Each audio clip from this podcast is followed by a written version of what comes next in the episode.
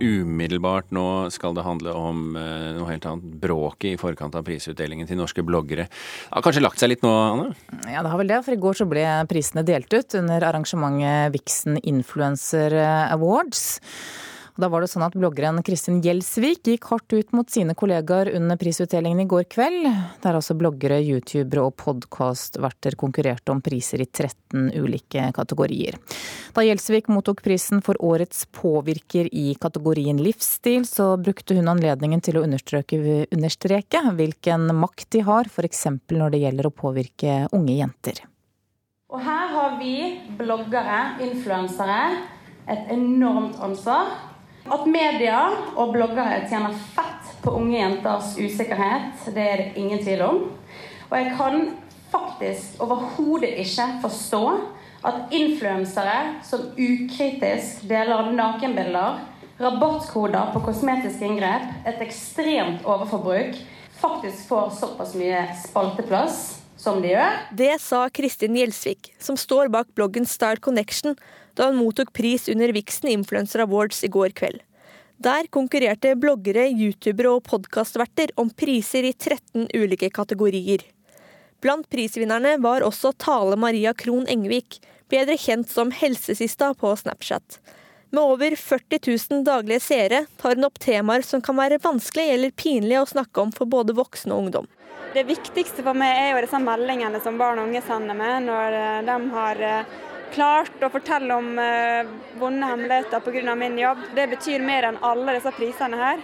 Men jeg syns det er veldig fint at ei helsesøster eller en sykepleier kan eh, liksom eh, bare ved å være seg sjøl og være liksom engasjert og jobbe beinhardt, kan få til ting som, som, jeg har gjort det siste året. Det, ja, det er veldig, veldig meningsfullt. Fornøyde prisvinnere til tross. I forkant av prisutdelingen har det vært bråk. Noen bloggere ble kastet ut fra kåringen fordi de skal ha brutt regelverket for merking av sponset innhold. Men dagen etter ombestemte juryen seg. Og ikke minst har det vært diskusjoner om de såkalte influenserne sin påvirkningskraft. I en kronikk på NRK Ytring trakk skuespiller Ulrikke Falk seg fra hele kåringen, og skrev at hun ikke trengte en pris for å vite at det hun gjør er viktig. Hun rettet samtidig kritikk mot usunt utseendefokus. Kristin Gjelsvik er enig med Falk. Jeg synes det er et ekstremt usunt fokus. Altså overalt. Eh, og jeg syns det er skremmende det ikke blir slått hardere ned på. Det jeg derimot syns er kjempesynd, det er jo at nettopp en sånn profil som Ulrikke velger å trekke seg. Hun er jo en motstemme til den galskapen, og vi trenger jo flere av disse profilene her. Og det var nettopp Ulrikke Falk som skulle tatt imot en av de gjeveste prisene i går kveld. Ulrikke Falk ble kåret til vinner i kategorien Årets influenser før hun valgte å trekke seg fra prisutdelingen. Det forandrer imidlertid ikke at hun fortjener hyllesten, men prisen deles altså ikke ut etter vinnerens eget ønske.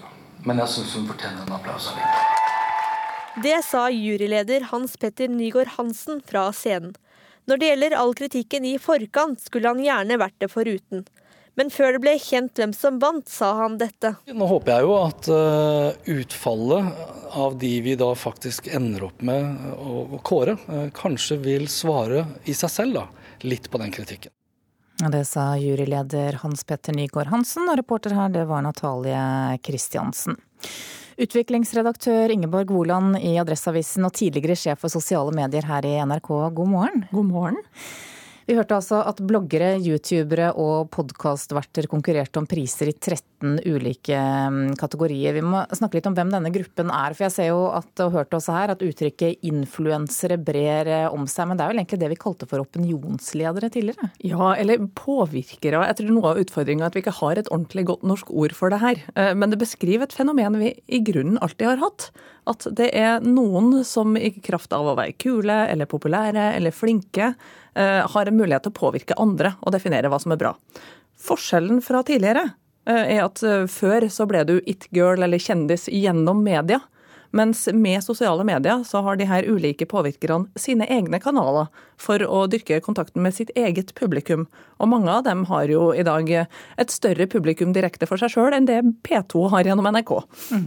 Hvorfor er det sånn at de har en, en, egen pris, eller en egen prisutdeling? Nei, nå jobber vi i mediebransjen, da, så vi vet jo at det er en pris for så godt som hva som helst. Og det tror jeg er akkurat tilfellet her også. Det er en egen kategori kall det mediemennesker. Et sted i skjæringspunktet mellom journalistikk, reklame og meningsdannelse. Eh, og det er ganske naturlig i profesjonaliseringa av et nytt felt at man også oppretter priser og har noen slags interne rangeringer og kåringer på hvem som er best. Mm, men hva er det som blir belønnet da? Er det flest mulig klikk og følgere? Nei, det kunne det fort ha vært. Eh, men det har vært ganske smart håndtert ved at eh, ja, det er folk som nominerer sine favoritter. Men så har det vært en fagjury som plukka ut semifinalistene, sånn at du fikk et sånn kvalitetssikra finalistlag. Eh, hvor eh, så fikk folk være med å stemme fram finalistene igjen. Eh, og så har juryen vært og plukka. Så, så, det er en sånn kobling mellom popularitet og faglighet. Og, og, når man da har en jury som har en del flinke folk som har jobba i denne bransjen lenge, så syns jeg det gjør det til noe bedre enn en ren popularitetskåring. Men hvor mye makt har eh, disse opinionslederne, eller, eller hva de er? De kan ha ganske stor innflytelse. Eh, noen, noen, mener helt åpenbart at de har stor kommersiell påvirkningskraft, fordi de har blitt en viktig kanal for en del markedsføring. En av kontroversene i forkant av denne eh, kåringa har vært om de er flinke nok til å merke innlegg som er betalte som reklame. Så det er helt åpenbart at de er i stand til å få folk til å kjøpe ting. Eh, det andre er at de er i stand til å sette en agenda for et offentlig ordskifte. Eh, vi hørte nå f.eks. at eh, Snapchatteren Helsesista ble kåra til årets forbilde. Og vi hørte at Ulrikke Falk, kjent fra bl.a. Skam, men også som 8. mars-taler og samfunnsdebattant, ville ha fått prisen som årets påvirker hvis hun hadde ville hatt den. Og det her er jo folk som har vært i stand til å snakke en del om hva er det f.eks. å være ung kvinne i dag. Eh, hva slags eh, forhold skal du ha til kroppen din, sexlivet ditt, eh, eller bare det å være en del av samfunnet. Så de har relativt, relativt stor innflytelse, og særlig overfor et veldig ungt publikum. Men hvor store er de i reklamemarkedet, f.eks.? Nei, øh, Jeg har ikke sett noen gode oppdaterte statistikker på hvor mye penger som, de mottar. Øh, men det vi vet er at en hel del av dem i det her største profesjonelle sjiktet øh, tjener godt opp i millionklassen på kommersielle samarbeid og reklameavtaler og den slags. Så jeg tror ikke det finnes noen samla rapportering på hvor mye reklamepenger som går gjennom sånne kanaler, men det har blitt en betydelig faktor.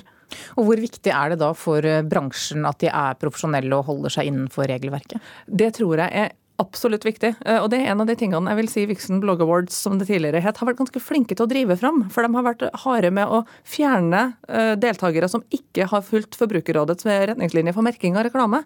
Så jeg tror for så vidt at en sånn her kåring er noe av det som bidrar til en profesjonalisering av en ny bransje. Utviklingsredaktør Ingeborg Woland i Adresseavisen, takk for at du kom hit til Nyhetsmorgen. Reklamefilmen til den siste Mission Impossible-filmen ble sluppet i natt. Hovedrolleinnehaver Tom Cruise er tydelig stolt, for både på Instagram-kontoen og Twitter-kontoen har han bilde av seg selv fra Norge.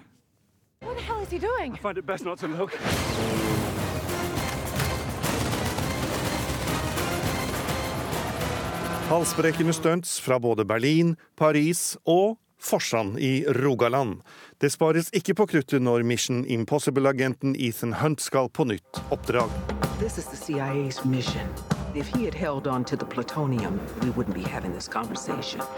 Hovedrolleinnehaver Tom Cruise publiserte i natt actionbildet av seg selv hengende utfor Preikestolen over Lysefjorden, og Preikestolen er med i flere av versjonene av traileren som er ute nå. The end you always feared is coming. Skuespilleren besøkte Ryfylke i Rogaland i november i fjor for å spille inn scener på Preikestolen til den kommende filmen. Det ble bl.a. spilt inn en stuntscene hvor Cruise klatrer opp de siste meterne til toppen av fjellet. I traileren vises Cruise hengende fra fjellhyllen før han slipper taket og faller. Ordfører i Forsand kommune, Bjarte Sveinsvold Dagestad, satt oppe i natt og ventet på reklamefilmen. Og så den ble lagt ut på, på, på, fra Paramount UK. Så ja, så da, hva ble klokka? Ble gjerne klokka, ble gjerne klokka to. Men eh, nå er det ikke Superbowl og Preikestolen hvert år, så det skal nå gå, det. Reklameverdien av Mission Impossible 6 for kommunen er uvurderlig, mener ordføreren. Når skuespillerne er på diverse talkshow og sånn, så er det eh, eh, så prater de ofte om, om, om filminnspillingen og, og, de plassene de har vært. Og, og, da er jeg sikker på at de vil trekke fram eh, eh dette klippet òg, for å si det sånn, i forhold til det. How is he? Oh, you know. Same old Ethan.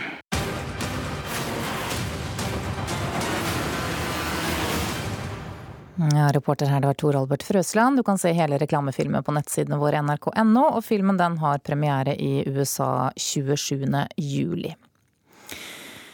Å veve er å leve, det sa Lillelørdag-gjengen i en harselerende sketsj på 1990-tallet. Den gangen var det regnet som alt annet enn kult på kunstfeltet å drive med gamle håndverksteknikker. Mona Palle Bjerke, kunstkritiker her i NRK, du har i de siste årene snakket mye om at dette er noe som har endret seg ganske radikalt, og svært mange kunstnere trekker nå nettopp mot tekstil, keramikk og tre. En av disse er Aurora Passero, som nå er aktuell med to utstillinger i Oslo, både på Vigeland museet og på galleriet Haken. Og Mona, hvem er denne kunstneren? Ja, hun er utdannet på Kunsthøgskolen i Oslo og er i begynnelsen av 30-årene. Hun har helt fra hun var ferdig utdannet jobbet med tekstil. Eh, begynte ganske fort innenfor veven, og har også jobbet med tau og en type sånn rommelige tauskulpturer hvor hun tegner med tau i rommet. Hun eh, bruker sine vevnader, som noen ganger er veldig eh, tett vevet, andre ganger nesten går helt i oppløsning, som en type lerreter som hun siden maler på, er kjent for disse skimrende, vakre fargekomposisjonene som disse vevnadene ofte danner. Så er det jo litt interessant da, at hun stiller ut akkurat i Vigelandsmuseet, der vi ellers kan se de monumentale gipsskissene til Vigelands mektige skulpturer. Hvordan forholder hun seg til Vigeland i denne utstillingen? Ja, veldig aktivt. Hun har, eh, er jo veldig kjent for farge, fargene, fargebruken. Disse skimrende fargene i vevene sine. Men nå har hun eh, i de nye arbeidene droppet fargen helt, og jobber med bare hvit nylon. Eh, og den hvitheten er litt sånn gipsaktig, så den snakker veldig aktivt med Vigelands gipsskulpturer. Samtidig jobber hun enda mer med tekstur og overflate, så disse vevnadene hun har skapt her, har en veldig taktil sanselighet. Hun har da skapt noen enorme smale, monumentale vevnader fra gulv til tak i den største salen, eh, som sånne skjøre ryggsøyler, som hun skriver selv. Og jeg tenker også på nesten strengeinstrumenter, fordi veven, denne nylonveven, som har sånne smale bånd fra gulv til tak, de er nesten helt sånn lasete, går helt i oppløsning, sånn at du ser vevens renning nesten som strenger, eh, som en sånn stringent element i bunnen. Og denne brytningen men mellom noe veldig presist og noe formløst er veldig typisk for uh, Pasero. I tillegg så er det dette at hun jobber med tau, da, som rammer inn veven på en måte. Og da har hun også en spenning mellom tauets styrke. Tauet er jo noe som kan bære oss, som kan stå i spenn, og da vevens uh, skjørhet. Men så er det sånn at Utstillingen også viser flere av de eldre arbeidene hennes? Ja, i to, de to andre salene så det, har hun brukt selve rommet Eh, med sine veldig karakteristiske rustrøde vegger som bakgrunn for en malerisk komposisjon, da, hvor hun spiller dyp blått ut mot gyllengult og skimrende rosa, og hvor også disse tauene igjen danner sånne eh, tegninger i eh, rommet. Dette er en veldig betagende opplevelse. Også nylonmaterialet, dette industrielt fremstilte eh, nylonmaterialet, spiller ut og skaper en spenning mot den tradisjonelle vevteknikken. Så det er på en måte håndverk og populær kultur som flettes sammen i dette mektige uttrykket. Så stiller hun også ut på Galleri Håken. Hva er det som vises der? Ja, Her jobber hun med en type arbeider som jeg ikke har sett at hun har jobbet med før. Hvor hun ikke har først vevd og så malt på veven, men hvor hun har farget renningen, eh, i et av tilfellene dyp rød, og så har vevd, og dermed skapt mer et sånt flettverk av farger og en sånn rosa, gråmelert uttrykk som er veldig interessant. Mm. Som er et litt, et litt nytt element, har jeg inntrykk av. Veldig flott å se disse to utstillingene i sammenheng. Og den på Galleri Håken varer til 18. februar, og den på Vigelandmuseet til 13. mai. Takk skal du ha, Mona Palle Bjerke.